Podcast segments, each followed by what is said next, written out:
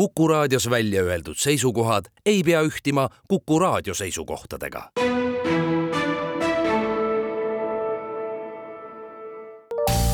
terviseks. Saadet toetab Lääne-Tallinna Keskhaigla, vaata ka keskhaigla.ee tere, head Kuku kuulajad, eetris on saade Terviseks ja me räägime täna mononukleoosist. mis see täpsemalt on, kohe saamegi teada, mina olen Ingela Virkus ja olen selleks stuudiosse palunud Lääne-Tallinna Keskhaigla nakkushaiguste arsti Pille Märtini, tere! tere! no mis haigus, kas see on üldse haigus, mononukleoos, või äh, millega tegemist on, mida see endast kujutab? tegemist on täiesti ehtsa nakkushaigusega, mis levib ainult inimeste vahel ja, ja selle haiguse klassikaliseks ähm, tunnuseks on äh, kurguvalu, lümfisõlmed kaelal lähevad suureks ja palavik tekib, mis kestab äh, teinekord ka kümme päeva ja võib-olla rohkemgi, et selline hästi klassikaline sümptomatoloogia, mis tõsi küll, on väljendunud rohkem äh, noorematel täiskasvanutel. Et enamasti põetakse seda haigust lapseeas, suurem jagu lasteaialastest on sellega kokku puutunud ja, ja ka algklassi lastest, aga mida hilisemas eas esmakordselt kohtutakse eh, viirusega, põhjuseks on viirused, et eh, seda klassikalisemaks haiguspilt läheb ja siis ehm, tuntaksegi teda näiteks ka teisiti öelduna suudlemishaigusena.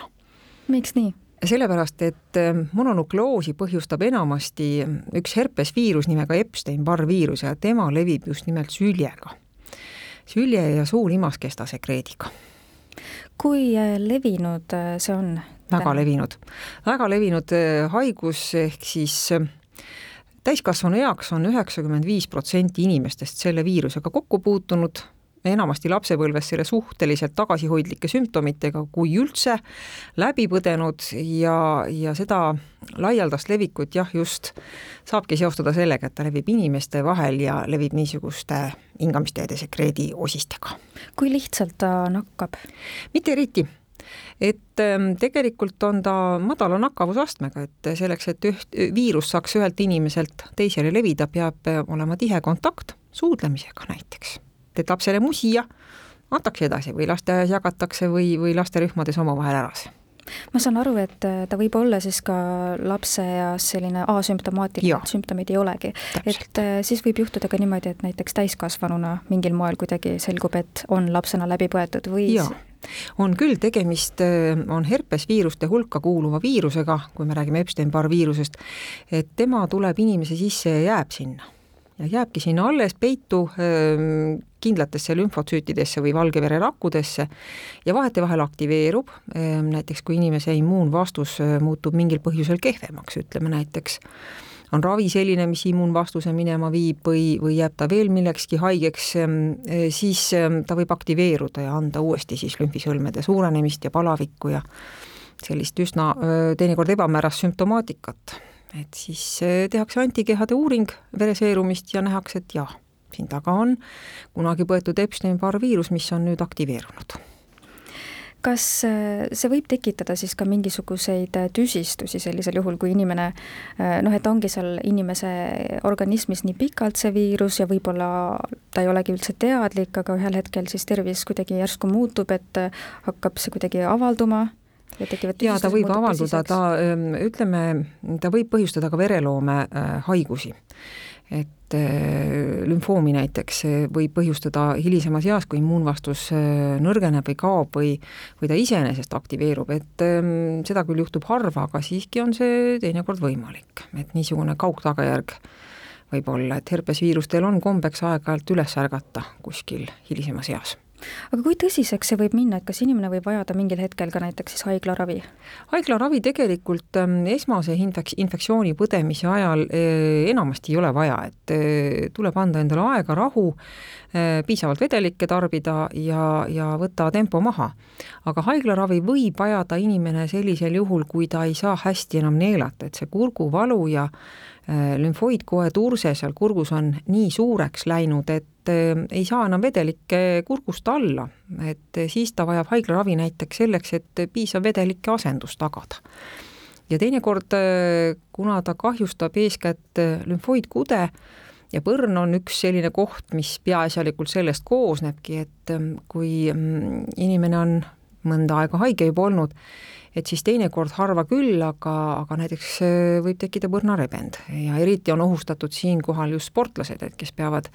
selle haiguse põdemise ajaks, kui nad esmaselt põevad, äh, sportimisega mõneks ajaks äh, rahu tegema, et mitte enam nii palju ette võtma Te mainisite ka, et see pigem on selline laste ja noorukite haigus, aga kas on kuidagi äh, teie patsientide seas siis võib-olla välja joonistunud mingi just selline muster või mingi taust, et et mainisite ka sportlasi, et on siis paljudel sportlastel seda esinenud või? kas just paljudel, aga kui äh, esmase infektsiooni saab näiteks äh, kuue-seitsmeteistaastane aktiivselt spordiga tegelev noor inimene, kes käib koolis ja mitmel pool trennis ja on tõsine tõsine koormus peal ja, ja siis ta satub haiglasse näiteks kas väsimuse või sellesama kurguvalu või palaviku tõttu, mis ei taha kuidagi alla minna, et siis äh, tuleb sõnad peale lugeda, et äh, aktiivse spordiga on kuuks ajaks, kui mitte pikemaks ajaks vaja rahu teha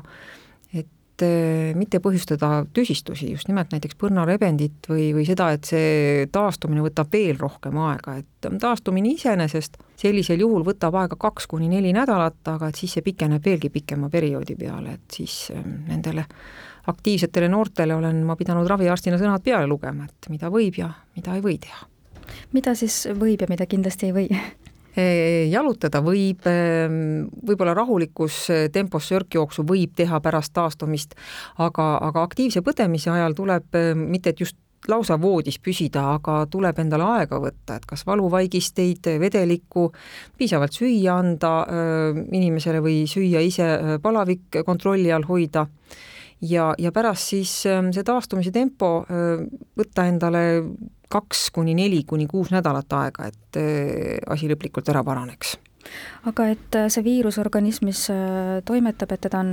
ma saan aru, et isegi peaaegu keeruline ja võimatu täiesti välja saada? ei saagi välja mm, -hmm. ei mhm. saagi, ta tuleb ja jääb.